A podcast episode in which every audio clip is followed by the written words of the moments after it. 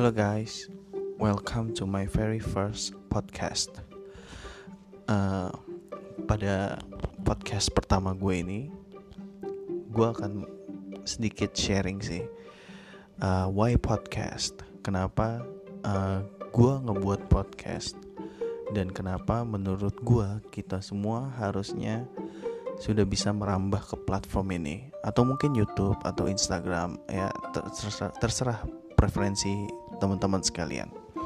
Tapi gue pribadi gue punya tiga alasan kenapa gue harus membuat podcast.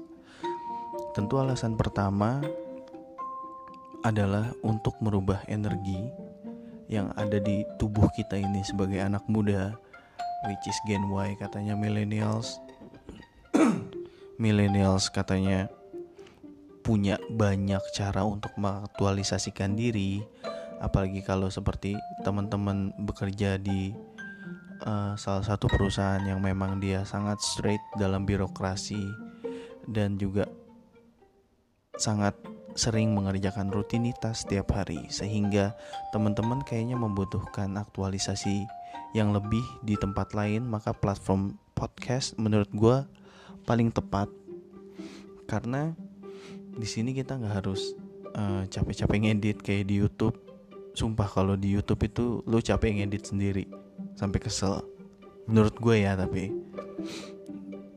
Dan satu hal lagi kenapa podcast itu bisa merubah energi berlebih menjadi positif? Kita nggak lagi harus menjadi netizen maha benar di Instagram atau di YouTube atau di segala macam platform sosial media. Karena banyak ya kita temuin sekarang tuh millennials millennials zaman sekarang.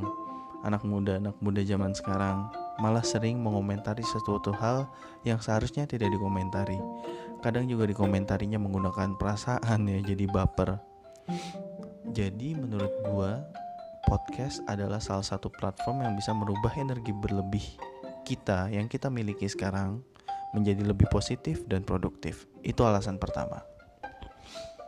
Alasan kedua tentu lebih dalam dari alasan pertama yaitu untuk memberikan impact at least impact untuk diri gue sendiri dan impact untuk syukur-syukur teman-teman ada yang mau kena dampaknya dari podcast yang gue buat. Sederhananya seperti ini.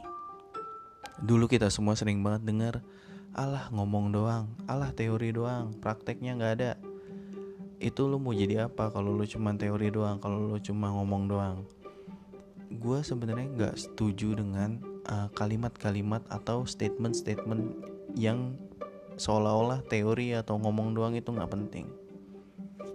Kita balik ke belakang ya, kita flashback ke belakang. Pada tahun 1963, ada salah satu orang kulit hitam itu mampu merubah peradaban di Amerika. Sorry gue ngomong uh, orang kulit hitam karena waktu itu konteksnya memang freedom of black people. Ya, Martin Luther King Jr dia speech dengan pidatonya yang sangat terstruktur selama 17 menit di depan 200 ribu orang kulit hitam dan diliput oleh media-media.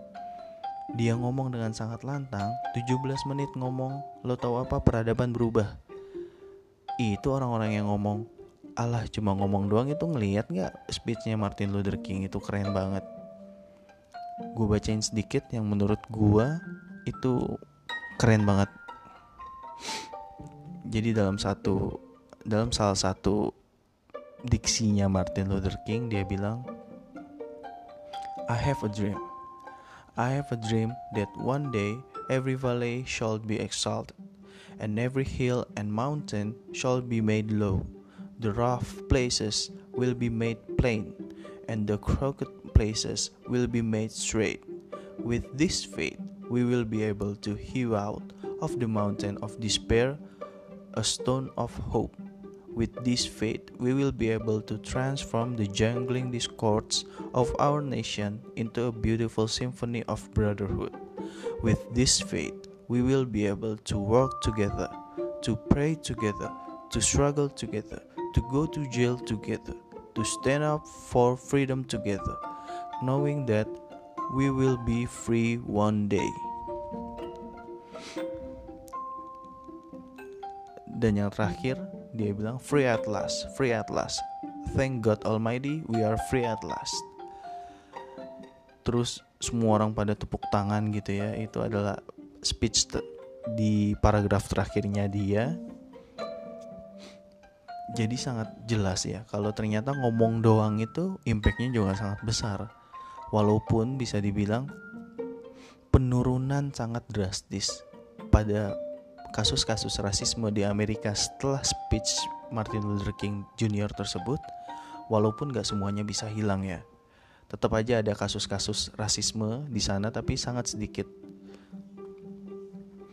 Lalu mau contoh siapa lagi? Mau contoh flashback lagi ke belakang. Pada tahun 1965 setelah dua tahun Martin Luther King berbicara I have a dream, Soekarno pidato marah-marah ke BBB. Jadi kalau kita ingat ya Januari 1965 itu Malaysia dan Indonesia itu sangat sangat hangat waktu itu karena Malaysia yang dikendarai Inggris ingin mengambil salah satu bahagian negara kita yang ada di Kalimantan. Terus akhirnya Soekarno menarik semua diplomat-diplomat kita pulang, lalu dia pidato di depan halayak ramai dan juga diliput oleh media-media asing. Saat itu dia bilang uh, setelah menarik Indonesia mundur, persetan dengan PBB, Amerika kita setrika, Inggris kita linggis, ganyang Malaysia. Itu keren sih menurut gue sorry bukan keren dalam arti kata yang bukan sekeren untuk pidatonya yang menjelek-jelekan negara lain tapi arti kata keren di sini adalah keren. Soekarno bisa membangkitkan nasionalisme para uh, warganya para rakyatnya dengan speech yang begitu lantang, begitu jelas, begitu diksinya sangat pas untuk dia ungkapkan pada saat itu. Itu sangat penting sih. Jadi ini seperti antitesa untuk teman-teman yang ngomong Allah ngomong doang. Ternyata dengan ngomong doang kita bisa merubah keadaan. Dan uh, alasan yang terakhir adalah untuk menjadi uh, individu yang lebih berguna dan lebih pintar untuk diri diri sendiri. Karena mau nggak mau kalau kita bikin podcast kayak gini, walaupun kesannya remeh temeh ya, cuma 10 menitan ngomong sendirian, tapi kita harus mempunyai basis referensi yang cukup untuk kita ngomong. Kita harus membaca literatur sana sini, kita juga harus ke, punya kepustakaan yang cukup untuk kita ngomongin sesuatu hal sehingga dengan dengan sendirinya kita belajar dan kita juga jadi lebih gemar membaca dengan kita membuat podcast. Jadi itu adalah alasan gue membuat podcast.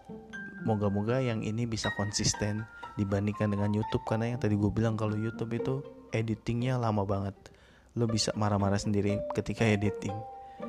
Jadi itu teman-teman ingat life it's not about finding yourself. Life is about creating yourself. Jadi saatnya kita meng-create diri kita sendiri. Kita create value kita sendiri. Agar nanti kita nggak nyesel di hari tua ternyata kita udah punya karya-karya yang at least ya, at least bisa kita tunjukkan kepada dunia kalau kita memang mau membawa perubahan yang positif. Life is about creating yourself. Cheers guys, see you next time.